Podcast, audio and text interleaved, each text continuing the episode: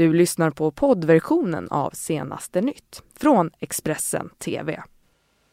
Det här är Senaste nytt lördag. Jag heter Fredrik Lenander och eh, det här är våra rubriker just nu. Ja, misstänkt kidnappning i natt i Husby norr om Stockholm. En kvinna ska ha dragits in i en bil. Och IS-terroristen Mikael Skråmos svärfar berättar i en ny intervju att han inte känner något hat. Och så blir det förlust för Tre Kronor i premiären i ishockey-VM. Mm, vi börjar med att en kvinna då ska ha under natten tvingats in i en bil i Husby och det är Aftonbladet som var först med att rapportera om detta. Polisen har där inlett en förundersökning om misstänkt människorov. Det var vid eh, 00.40 under natten som polisen då fick in ett samtal om att en kvinna ska ha dragits in i en bil i Husby i norra Stockholm och bilen ska sedan ha kört iväg i hög fart enligt eh, Aftonbladets uppgifter.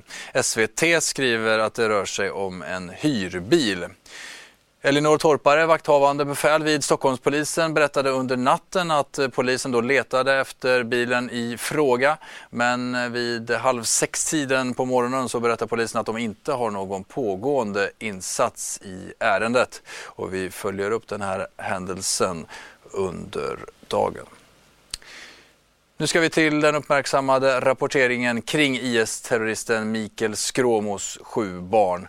För vi har träffat Patricio Galvez i Erbil i norra Irak. Hans dotter är död och han är morfar till sju föräldralösa barn. Vår utrikesreporter Kassem Hamadeh frågar honom om han känner hat mot IS-terroristen Mikael Skråmo som alltså förde familjen från Sverige till kalifatet i Mellanöstern.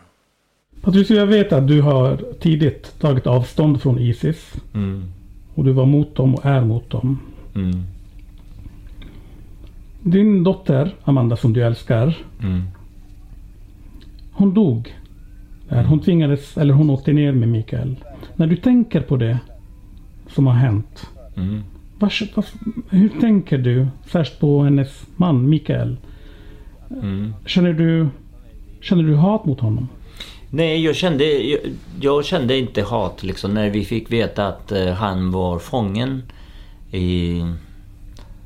Fången i, i, i Vagos. Eller när han... Vi fick den här falska nyheten att han hade blivit fråntagen och att barnen befann sig i säkerhet. Eh, så fick jag samma frågan eh, om jag hatade honom. Och det gör jag inte. Utan jag, eh, jag tror mer på att hat eh, ger mera hat. Utan jag tror att, jag tror att alla sådana här sekter och extrema rörelser eh, kan motarbetas med kärlek och eh, med tillit. Liksom. Man måste, man måste, man måste, och det är det man måste uppfostra barnen med, med att säga att, att man, man vinner aldrig genom att hata andra. Man vinner aldrig genom att slå. För att man kan aldrig tvinga andra människor att tänka som man själv tänker. För och gör man det så harmar man i sådana här rörelser.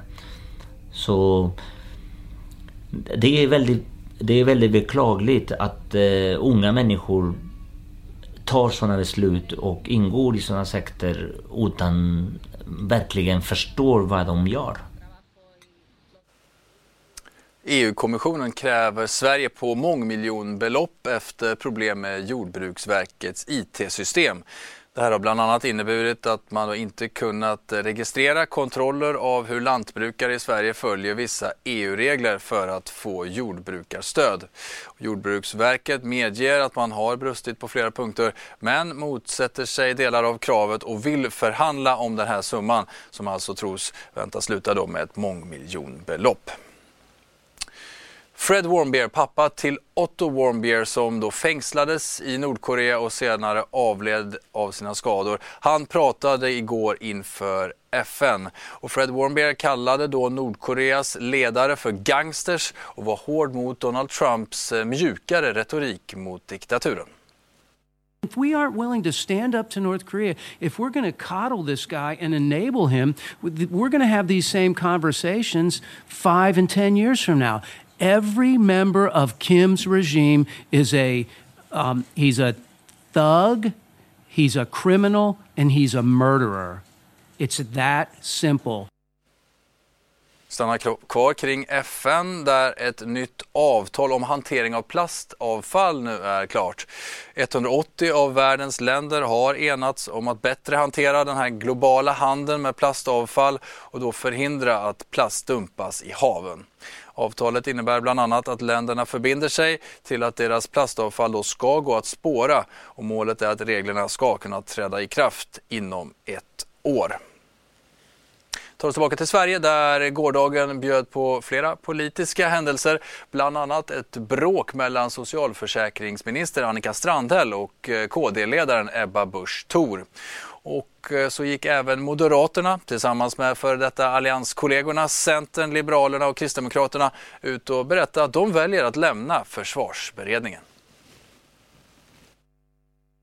Fredagen bjöd på flera stora politikhändelser, inte minst bråket som blossat upp mellan socialförsäkringsminister Annika Strandhäll och KD-ledaren Ebba Busch Thor. Strandhäll anklagar Busch Thor för att ha lite löst slängt sig med statistik gällande anmälda våldtäktsfall och skriver att KD borde ransaka sig själva. Ebba Busch Thor å andra sidan menar att hon går enligt Brottsförebyggande rådets siffror. Då är man partiledare. Eh, Stefan Löfven hade aldrig kommit undan eh, med att, att eh, uttrycka sig på det viset. Eh, det kan man inte heller göra om man är ett annat riksdagsparti. Det är häpnadsväckande att statsrådet inte har koll på detta och går ut med eh, kritik mot, mot mig eh, när hon själv inte har koll på fakta. Under fredagen höll även de borgerliga partiernas ledamöter i försvarsutskottet en gemensam pressträff för att ta avstånd från Socialdemokraternas agerande inför försvarsberedningens slutrapport som publiceras på tisdag. Försvarsminister Peter Hultqvist skriver enligt uppgifter att när det gäller försvarsbeslutets ekonomiska ram är vi från socialdemokratiskt håll inte beredda att binda oss till en politisk uppgörelse. Han bekräftar senare till TT att han anser att det är för tidigt att binda sig vid en viss ekonomisk nivå i försvarsanslagen. Även efter ett extrainsatt möte deklarerade de fyra borgerliga partierna att det blivit omöjligt att enas i beredningen. Detta är inte bara vad Moderaterna säger, detta är dessutom vad Centerpartiet säger, detta är dessutom vad Kristdemokraterna säger, detta är dessutom vad Liberalerna säger. Så att det är dags för Socialdemokraterna eh, att också förhålla sig till det. Så har jag hoppats hela tiden att ändå Socialdemokraterna ska vara också överens om det vi har sagt om ekonomiska grunden. Men, men tyvärr så, så kommer inget nytt besked därifrån och det, det beklagar jag kan också berätta att en person omkom igår efter en fisketur utanför Sollenkroka i Stockholms skärgård.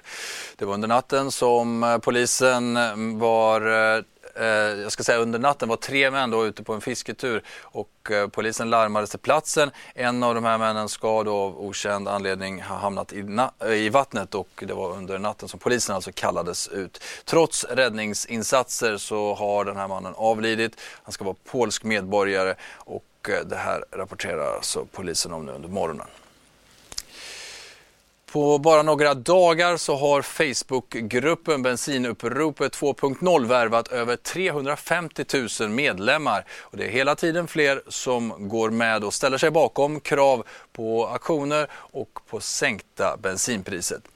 Eh, gruppen vill väcka opinion och har nu fått flera politiker att börja prata bensinpris. Bensinpriset i Sverige ligger nu på över 16 kronor litern och enligt experter kommer det snart att passera 17 kronor. Och det här är något som väcker starka känslor. Facebookgruppen Bensinupproret 2.0 har på bara några veckor samlat flera hundratusen medlemmar som hela tiden blir fler. Gruppen är en protest mot de höjda bensinpriserna. De är alldeles för höga.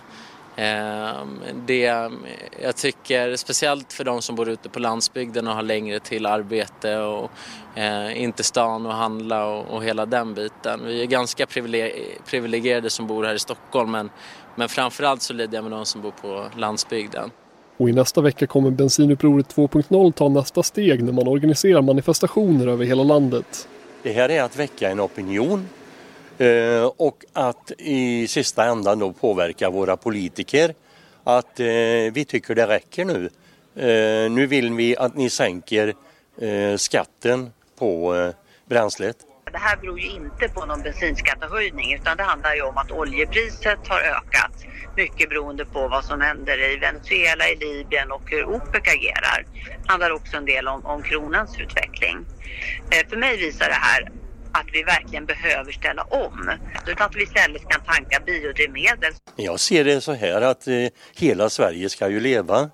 Eh, vi är ett avlångt land eh, med enorma avstånd. Eh, där finns familjer som åker 10 mil enkel resa till sina arbeten. Det är ett måste för väldigt många att ha bilen idag. Det är dubbelt så vanligt att killar oroar sig för att bli utsatta för våld när de vistas utomhus jämfört med tjejer. Det visar en ny studie från Myndigheten för ungdoms och civilsamhällsfrågor. Det här rapporterar SVT Nyheter om. Samtidigt visar studien att tjejer generellt sett oroar sig mer än killar för att bli utsatta för brott och hot. Så tar vi oss till sport för ett stjärnspäckat Tre Kronor hade ledningen men tappade den och föll tungt i VM-premiären mot Tjeckien. Matchen slutade 2-5 och eh, därmed bröts Tre Kronors VM-svit om 17 raka segrar. Inför den sista perioden stod det 2-2 men där ryckte tjeckerna ifrån. Mindre än en minut in i den tredje perioden så satte Michael Frolik ledningsmålet efter flera räddningar av Henrik Lundqvist i svenska buren och eh, han kunde till slut inte stå emot längre. Svenskarna begärde en videogranskning eftersom en tjeck då låg i målgården men domarna godkände det här målet. Sverige jagade sen kvittering men istället kunde Vrana kontra in 4-2 inför den fanatiska tjeckiska publiken och eh, till slut så fastställdes slutresultatet i tom kasse. Och så här sammanfattar Sportexpressens Robin Lindgren den här tunga förlusten. Det blev en tuff premiär av VM för Tre Kronor som ställdes mot ett Tjeckien med, ja vad kan det vara, 9000 supportrar på läktaren som skapade en sjuk stämning här i Bratislava. Eh, Tjeckien kom ut rejält inspirerade direkt och körde över Sverige i inledningen. Sådär Sverige, utspelade har inte jag sett Tre Kronor på, ja vad kan det vara, flera år i alla fall, tre, fyra år. Eh, Tjeckien var verkligen två, tre, fyra klasser bättre i början. Men Sverige fick med sig bara en 1-0 underläge inför andra och då kunde de faktiskt eh, skärpa sig i andra perioden där de tar ledningen. Men eh, till slut tappar de den ledningen eh, och efter det kan Tjeckien rida ifrån och vinna med 5-2 här i premiären. Eh, tung start för Sverige som eh, inleder med en förlust direkt alltså. Inte alls bra för de har kvar Ryssland. Det blir, ja, det blir svårt att vinna gruppen hörni väldigt svårt. Eh, mörka, mörka utsikter för Sverige. Men eh, ja, kan vara bra för en grupp att förlora här i början också. Känna hur det känns, eh, veta vad de måste skärpa till. Så att eh, vi får se hur Sverige reser sig från det här för de måste resa sig för nu är det press på Tre Kronor faktiskt redan efter en omgång. Mm, tunga ord från Robin Lindgren där om den svenska premiären.